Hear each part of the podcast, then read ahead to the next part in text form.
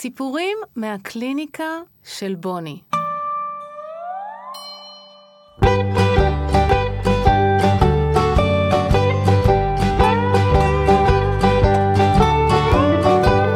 על מה תספרי לנו היום? על מי? על מה? איך היה? מה עשית? היום אני רוצה לספר על אדיר. אדיר הוא ילד על הספקטרום, ויום אחד, כשהוא היה בן 13, הוא הגיע אליי לקליניקה, לטיפול, למפגש השבועי שלנו, וכבר בכניסה לקליניקה ולאורך כל הירידה לחדר, אה, הוא אמר, שמעון פרס, שמעון פרס, שמעון פרס, שמעון פרס, כמו מנטרה כזאת, שוב ושוב ושוב. את מכירה את המנטרות האלה? מוכר לי, יש לי מנטראים משלי. אוקיי. Uh, וככה ניסיתי, אמרתי, אוקיי, בוא, בוא נראה מה, אולי הוא מנסה להגיד לי פה משהו. Uh, ושאלתי אותו, מי זה שמעון פרס? לראות אם הוא יודע מה, מה זה שמעון פרס. Uh, ואז הוא ענה לי, הנשיא. אמרתי, נכון, שמעון פרס הוא נשיא המדינה. ואדיר ממשיך, שמעון פרס, שמעון פרס, שמעון פרס, שמעון פרס. ואז ככה אמרתי, רגע, אולי הוא רוצה שהיום אנחנו אה, נעסוק בשמעון פרס. אז שאלתי אותו, אתה רוצה שהיום נכתוב מכתב לשמעון פרס? מה זאת אומרת מכתב? כתבתם אה, מכתבים?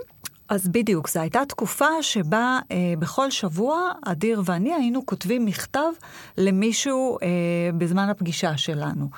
כי אה, אדיר, אחד הקשיים שהיו לו זה אה, לנהל אינטראקציה, לנהל שיחה עם, אה, עם איזשהו בן שיח. הוא הבין ששואלים שאלות, אבל הוא לא הבין ששואלים שאלות כדי לקבל תשובות. Mm-hmm. והיה לו ככה רפרטואר מאוד צר של שאלות שחזרו על עצמם. אז תמיד הוא היה שואל כל אחד, איפה אתה גר?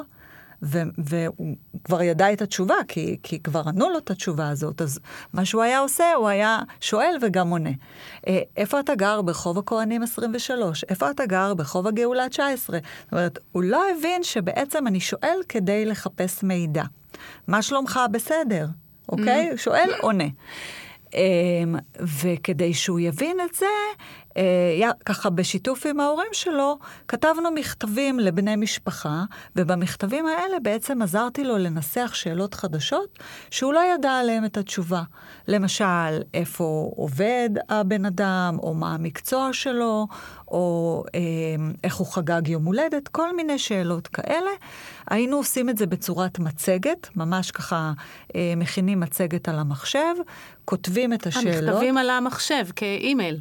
כן, אחר כך, אחר כך בדיוק, אחר כך היינו שולחים את זה כאימייל, אבל בזמן העבודה זו הייתה ממש מצגת שקופיות, שבה לא רק שכתבנו את הטקסט, גם הקלטתי את אדיר מקריא את הטקסט, כדי שממש יהיה לו את החוויה של להפנות שאלה, שהוא ילמד גם להגיד את הדברים. וואי, יש גם ערך מאוד גדול ללשמוע את עצמו. נראה לי. בהחלט, בהחלט.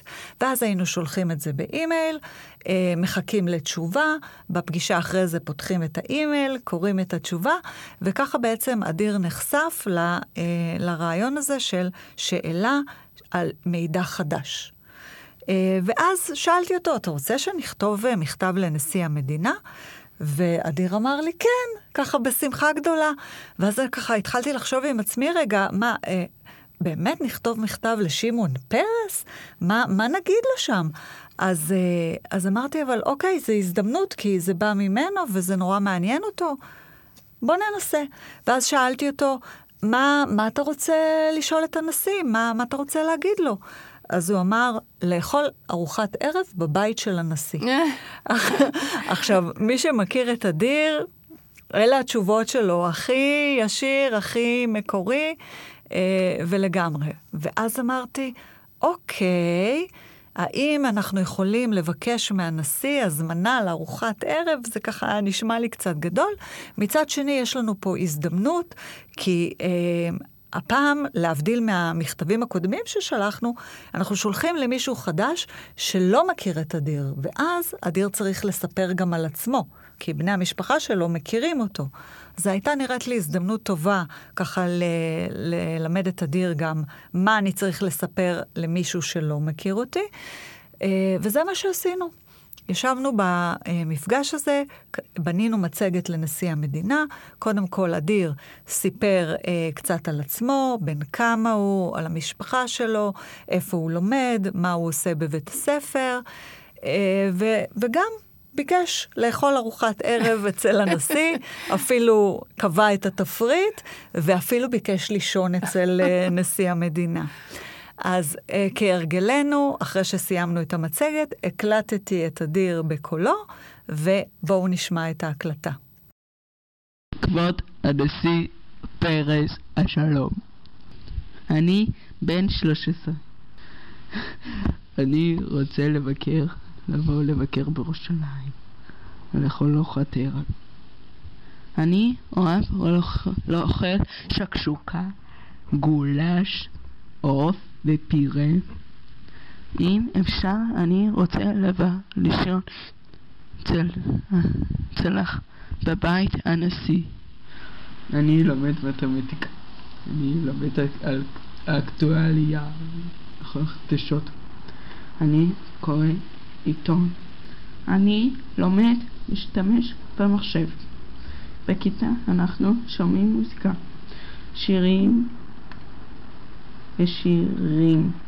אני יודע שאתה מאוד עסוק, אבל אני מקווה שיהיה לך זמן לקרוא את המכתב.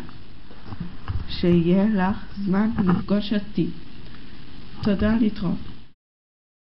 איזה מתוק. מתוק אמיתי.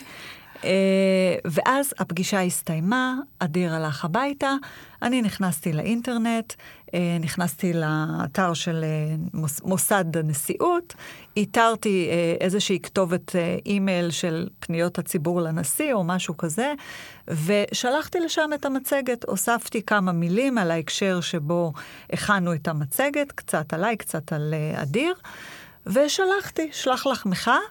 אה, ואני חייבת להגיד שבימים הבאים, ככה, כל הזמן בדקתי את תיבת האימייל, אמרתי, בוא נראה אם קיבלתי תשובה, אבל ככה הימים חלפו והתשובה המיוחלת לא הגיעה. אה, אני הייתי קצת מאוכזבת, אבל שמחתי שאדיר לא נראה מאוכזב. בפגישה שאחר כך אמרתי לו, הנשיא כנראה מאוד מאוד עסוק ולא היה לו זמן. וראיתי שהוא לא מוטרד מזה, אז המשכנו ככה בענייננו. אה, ואחרי כמה שבועות מאוד מאוד הופתעתי לקבל אה, טלפון מיערה, אימא של אדיר, שהתקשרה אליי ואמרה שהם קיבלו בדואר מכתב רשמי מנשיא מדינת ישראל. די. אה, כן, וואו. והיא הקריאה לי בטלפון את, ה, את המכתב, ואני עד היום זוכרת איפה הייתי ומה עשיתי כשהיא דיברה איתי. היה נורא נורא מרגש, ו, ויכולתי לשמוע בקול שלה את ההתרגשות שלה מהמילים, ו, ולמשמע הדברים, דמעות עלו גם בעיניי. בואו נשמע. אדיר היקר, התרגשתי לקרוא את המילים אשר שלחת אליי, ולשמוע אותך מקריא את המכתב בקולך הנעים והרהוט. אני גאה בך על שלמרות הקשיים שבדרך, הוכחת שאתה מסוגל ללמוד, ליצור ואף לשמש מקור השראה בעבור אחרים. אני מאחל לך בריאות, אושר, הגשמה עצמית והמשך התפתחות ולמידה. ולך, בוני, האחל להוסיף ולהעצים את אלה הזקוקים לכך. אין תגמול גדול יותר מן הנתינה הנפלאה לה את שותפה. יישר כוח וכל טוב, שמעון פרס.